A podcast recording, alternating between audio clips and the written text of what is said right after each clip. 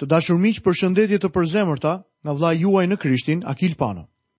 Mirë se keni ardhur në emisionin e sotëm dhe ju kujtoj që sot fillojmë një cikël të ri studimesh mbi librin e Jozueut.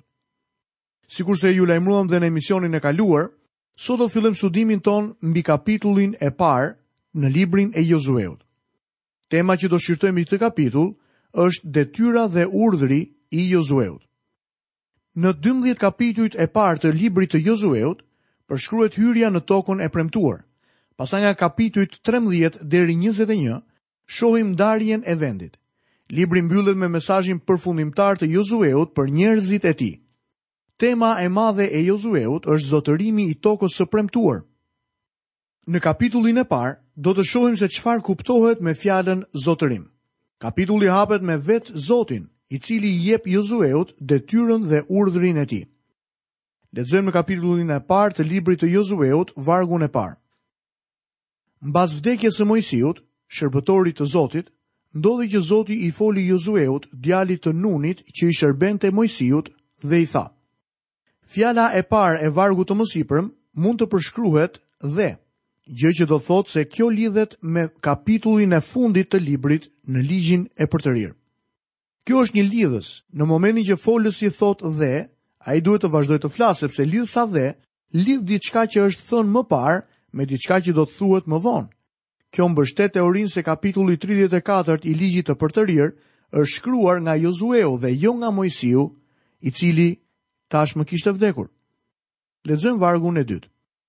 Moisiu shërbëtori im vdiq, prandaj çohu kalo Jordanin ti dhe gjithë ky popull dhe shko në atë vend që unë u jap atyre bijve të Izraelit. Vini re, Moisiu, shërbëtori im, vdiq. Ashtu siç e pamë, nuk ishte e nevojshme që Moisiu t'i udhëhiqte bijtë e Izraelit për në Tokën e Premtuar. Moisiu përfaqësonte Ligjin dhe Ligji nuk mund të na shpëtojë dot. Ligji është një zbulues, por jo shpengues. Ligji na tregon se sa mëkatarë jemi. Ligji nuk mund të ishte kurrë shpëtimtar. Moisiu nuk mund ta udhëhiqte Izraelin në vend për shkak të dështimit të tij. Problemi nuk qëndronte tek ligji, por tek Moisiu. Ashtu siç problemi sot qëndron tek ne. Ligji na zbulon që ne kemi rënë nga lavdia e Zotit. Moisiu shërbëtori im vdiq. Vetëm Jezusi, shpëtimtari ynë mund të na drejtojë në vendin e bekimeve që Perëndia ka për ne. Ky varg na tregon që vendi iu dha Izraelit. Pronësia e Izraelit ishte e pakushtëzuar, Perëndia ia premtoi atë Abrahamit dhe pasardhësve së tij. Perëndia e konfirmon premtimin e tij herë pas here në librin e Zanafillës. Në librin e Ligjit të Përtërirë Perëndia lidhi me Izraelin besëlidhjen palestineze që ua dha tokën si një zotërim të përjetshëm. Lexojmë vargun e tretë. Unë ju kam dhënë çdo vend që tabani i këmbës suaj ka për të shkelur, siç i thashë Moisiut. Perëndia u dha atyre tokën, por shijimi i saj varej nga marrja e saj në zotërim. Ajo pjesë toke mbi të cilën po shkelnin do t'u përkiste atyre. Tek Efesianët kapitulli i parë dhe vargu i tretë, na thuhet se ne jemi të bekuar me çdo bekim frymëror në vendet qiellore. Fatkeqësisht, shumë pak të krishterë i kuptojnë bekimet shpirtërore edhe pse ato u përkasin atyre me të drejtë. Para disa vitesh një anglez që shkoi në Shtetet e Bashkuara, papritur e pakujtuar, humbi. Një ditë prej ditësh xhaxhai i tij në Angli vdiq dhe i la rreth 5 milion dollarë si trashëgimni. Shumë vetë u nisën për këtë person për ta gjetur në mënyrë që t'i jepnin lajmin. Adresa e fundit e tij kishte qenë në qytetin e Çikagos. Ata kërkuan, por nuk e gjetën. Më vonë mora vesh se një mëngjes ishte gjetur i ngrirë në hollin e një hoteli të dorës së tretë. Ai nuk ishte në gjendje të paguante as 25 cent për një dhomë, edhe pse kishte një trashëgimni prej 5 milionë dollarësh. Ai nuk e shpalli atë çfarë ishte e tij. Ai nuk e arriti ta merrte vesh se si ai ishte një milioner dhe vdiq si lypës. Edhe pse Perëndia i dha Izraelit tokën e premtuar, ata nuk e zotëruan kurrë të gjithën. Faktikisht Izraeli mori shumë pak prej saj. Shumë të krishterë sot janë si Izraeli të bekuar me të gjitha bekimet shpirtërore dhe megjithatë vdesin si lypsa në pragun e derës pa i shpallur ato bekime për veten e tyre. Çfarë tragjedie! Libri i Jozueut do të na tregojë se si të kuptojmë zotërimet tona. Për shkak se do të ketë konflikt, tek Efesianët 6 na thuhet të marrim të gjithë armatimin e Perëndisë. Sepse beteja jonë nuk është kundër gjakut dhe mishit, por kundër principatave, kundër pushteteve, kundër sunduesve të botës së errësirës të kësaj epoke, kundër frymërave të mbrapshta në vendet qiellore. Ne duhet të marrim të gjithë armatimin e Perëndisë. Fitorja duhet fituar. Gjithsesi nuk jemi unë dhe ti që do të marrim fitoren. Zoti Jezu Krisht e siguron atë për ne. Ne do të marrim atë që mori Izraeli, çlirim dhe zotërim. Çdo fitore e korrur nga Izraeli iu dha atyre nga Perëndia. Nëse unë dhe ti do të korrim ndonjë fitore, mos harro në jetën tënde që kjo është për shkakun e tij, për shkakun e Perëndisë. Ne do të hyjmë në këto zotërime të mrekullueshme me anë të besimit. Lexojmë vargun e katërt. Territori yt do të shtrihet nga shkretëtira dhe nga Libani deri në lumin e madh në lumin e Eufratit, nga tërë vendi i Hitejve deri në detin e madh në perëndim. Perëndia i dha Izraelit 300.000 metra katrorë nga ai vend, dhe ata shpallën vetëm 30.000 metra katrorë, Ata nuk e morën të gjithë atë që u dha Perëndia, morën vetëm një të dhjetën e saj. Një situatë e ngjashme shohim dhe me kishën sot. Lexojmë vargun e 5. Askush nuk do të mund të të kundërshtojë gjatë tërë ditëve të jetës sate. Ashtu siç kam qenë me Mojsiun, kështu do të jem me ty. Nuk do të të lë, as nuk do të të braktis. Jozueu si një njeri i zakonshëm kishte nevojë për inkurajim. Perëndia e inkurajon këtu në një mënyrë të mrekullueshme. Perëndia thotë, "Nuk do të të lë.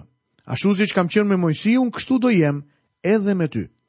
Lexojmë vargjet 6 dhe 7. Ji i fortë dhe trim, sepse ti do të bësh që ky popull të zotërojë vendin që u betova t'u jap etërve të tyre.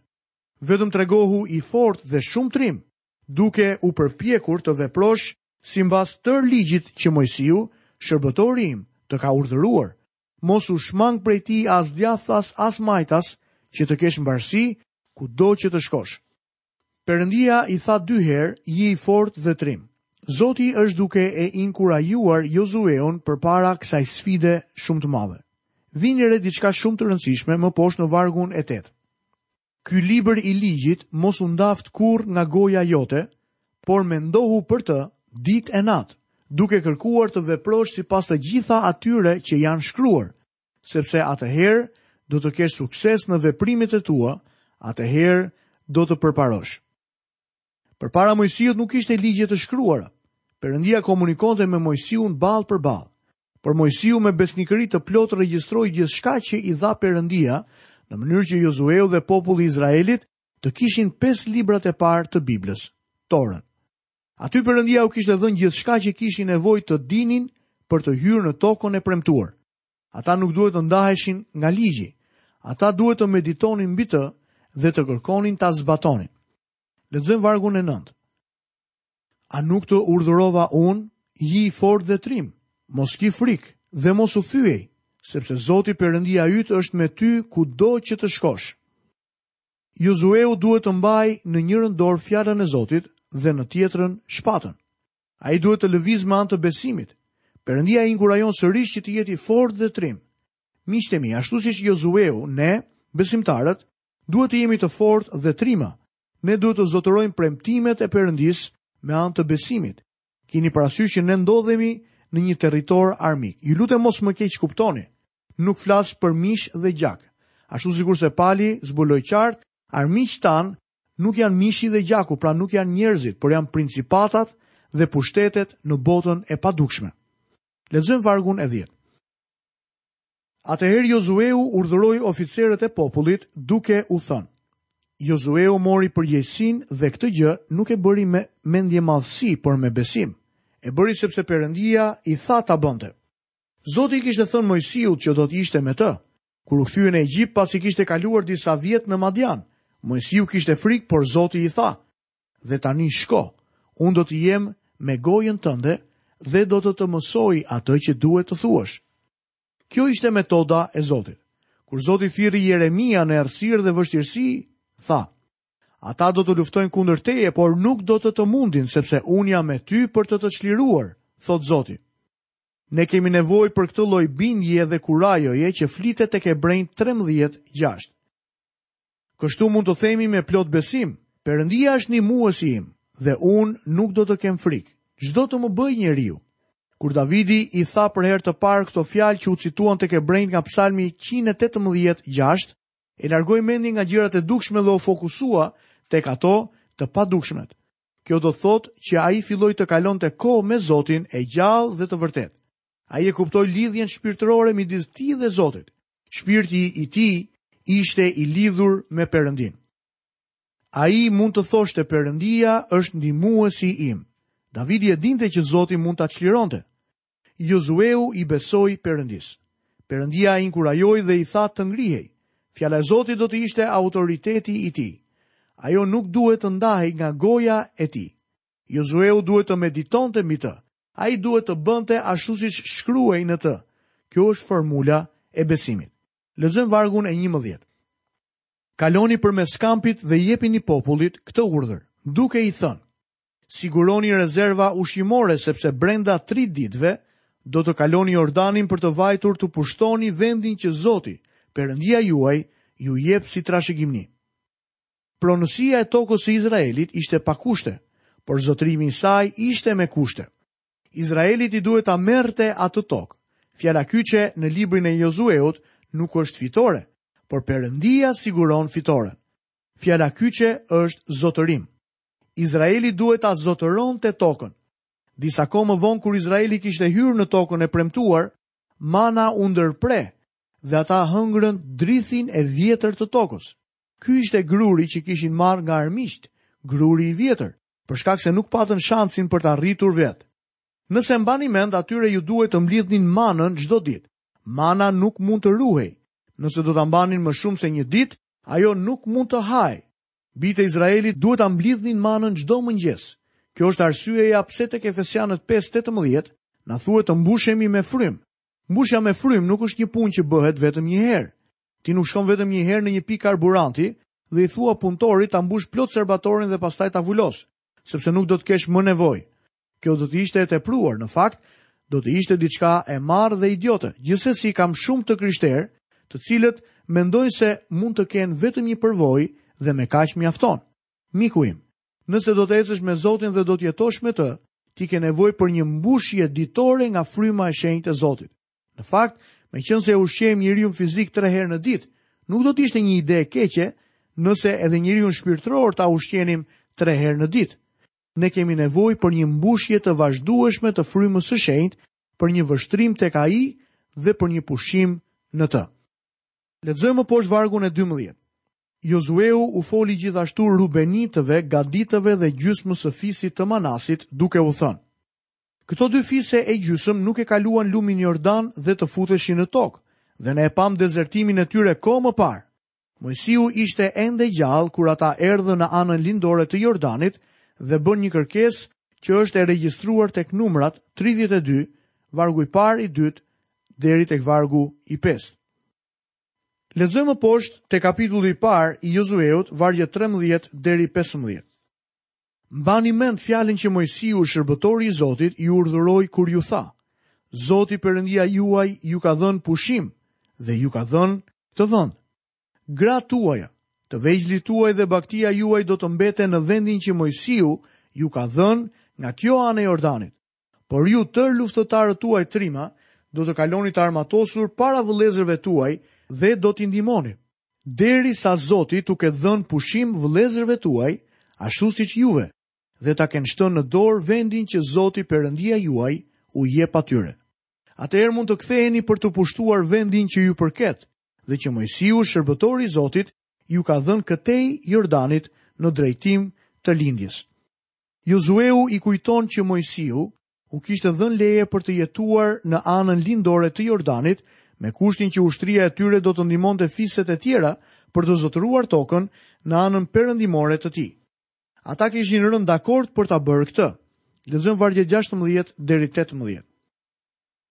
Atëherë ata iu përgjigjën Jozueut duke i thënë: Ne do të bëjmë të gjitha ato që ti na urdhëron dhe do të shkojmë kudo që të na çosh. Ashtu siç i jemi bindur për çdo gjë Mojsiut, kështu do të të bindemi ty. Vetëm me ty qoftë Zoti Perëndia yt, ashtu siç ka qenë me Mojsiun. Kushdo që ngre krye kundra urdhrave të tua dhe nuk u bindet fjalëve të tua, do të vritet. Vetëm ji i fortë dhe trim. Ndoshta ju mund të pyesni, ku qëndron gabimi në banimin në anën lindore të Jordanit? A ishte kaq e rëndësishme të kapërceje lumin? A nuk është ana lindore e lumit Jordan pjesë e Tokës së Premtuar? Këto pyetje janë me vend dhe kërkojnë që të shohim me shumë kujdes pasazhin e shkrimit në të cilën ndodhet ngjarja e kapërcimit të lumit Jordan. Kalimi i lumit Jordan ishte simbolika e vdekjes dhe ringjalljes së Jezu Krishtit. Gjithsesi, ajo simbolizon dhe vdekjen tonë fizike. Krishti u gozhdua në kryq, u var atje, mbarti të gjithë rrebeshin e gjykimit të mëkatit. Stuhitë e gjykimit që ranë mbi të, duhet të binin mbi ne. Lumi Jordan simbolizon shenjtërimin dhe vdekja e Krishtit ishte për shenjtërimin tonë. Në librin e gjyqtarëve do të shohim se dy fiset dhe një gjysmë fisi bënë një gabim të madh duke qëndruar në anën e gabuar të lumit Jordan. Madje edhe kur Krishti kaloi detin e Galilesë dhe erdhi në vendin e gadarenasve, pa se judenjtë po merreshin me derrat, ata qëndruan në anën e gabuar të lumit Jordan. Shumë të krishterë sot merren me derrat dhe janë të irrituar, Ata duhet të hyjnë në prehjen që Krishti siguroi me vdekjen dhe ringjalljen e tij. Të dashur miq, këtu kemi mbërritur dhe në fundin e emisionit të sotëm. Nga vëllai juaj në Krishtin Akil Pano, bashkë mirudëgjofshim në emisionin e ardhshëm.